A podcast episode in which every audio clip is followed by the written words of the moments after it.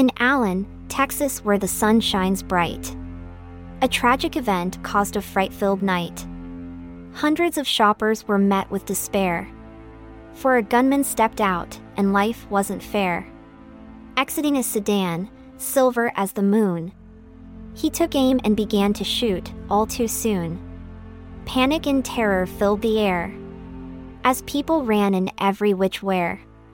Eight lost their lives, a tragedy so great. Seven were wounded, and the town was in a state of shock and mourning, sadness all around.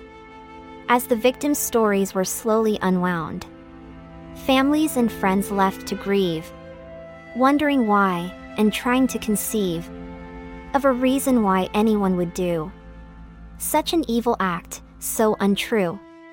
Allen, Texas, forever marked by this day. A reminder of the horrors that can come our way.